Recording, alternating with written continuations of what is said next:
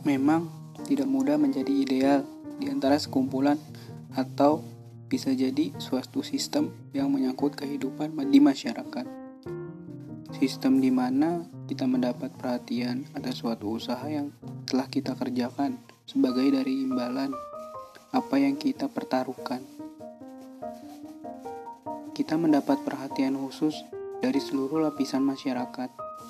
Keputusan yang diraih bukan semata-mata berdasarkan kekuasaan. Lain halnya, lebih berhasil kepada yang berusaha di balik layar. Jarang sekali banyak mendapati sekitar kita terhadap jenis kehidupan ini. Di lingkungan tempat tinggal pun memang ada sih, cuma jangkauannya nggak begitu luas. Padahal kalau dipikir sih, mereka yang seperti itu hidup atas dasar pengorbanan orang lain.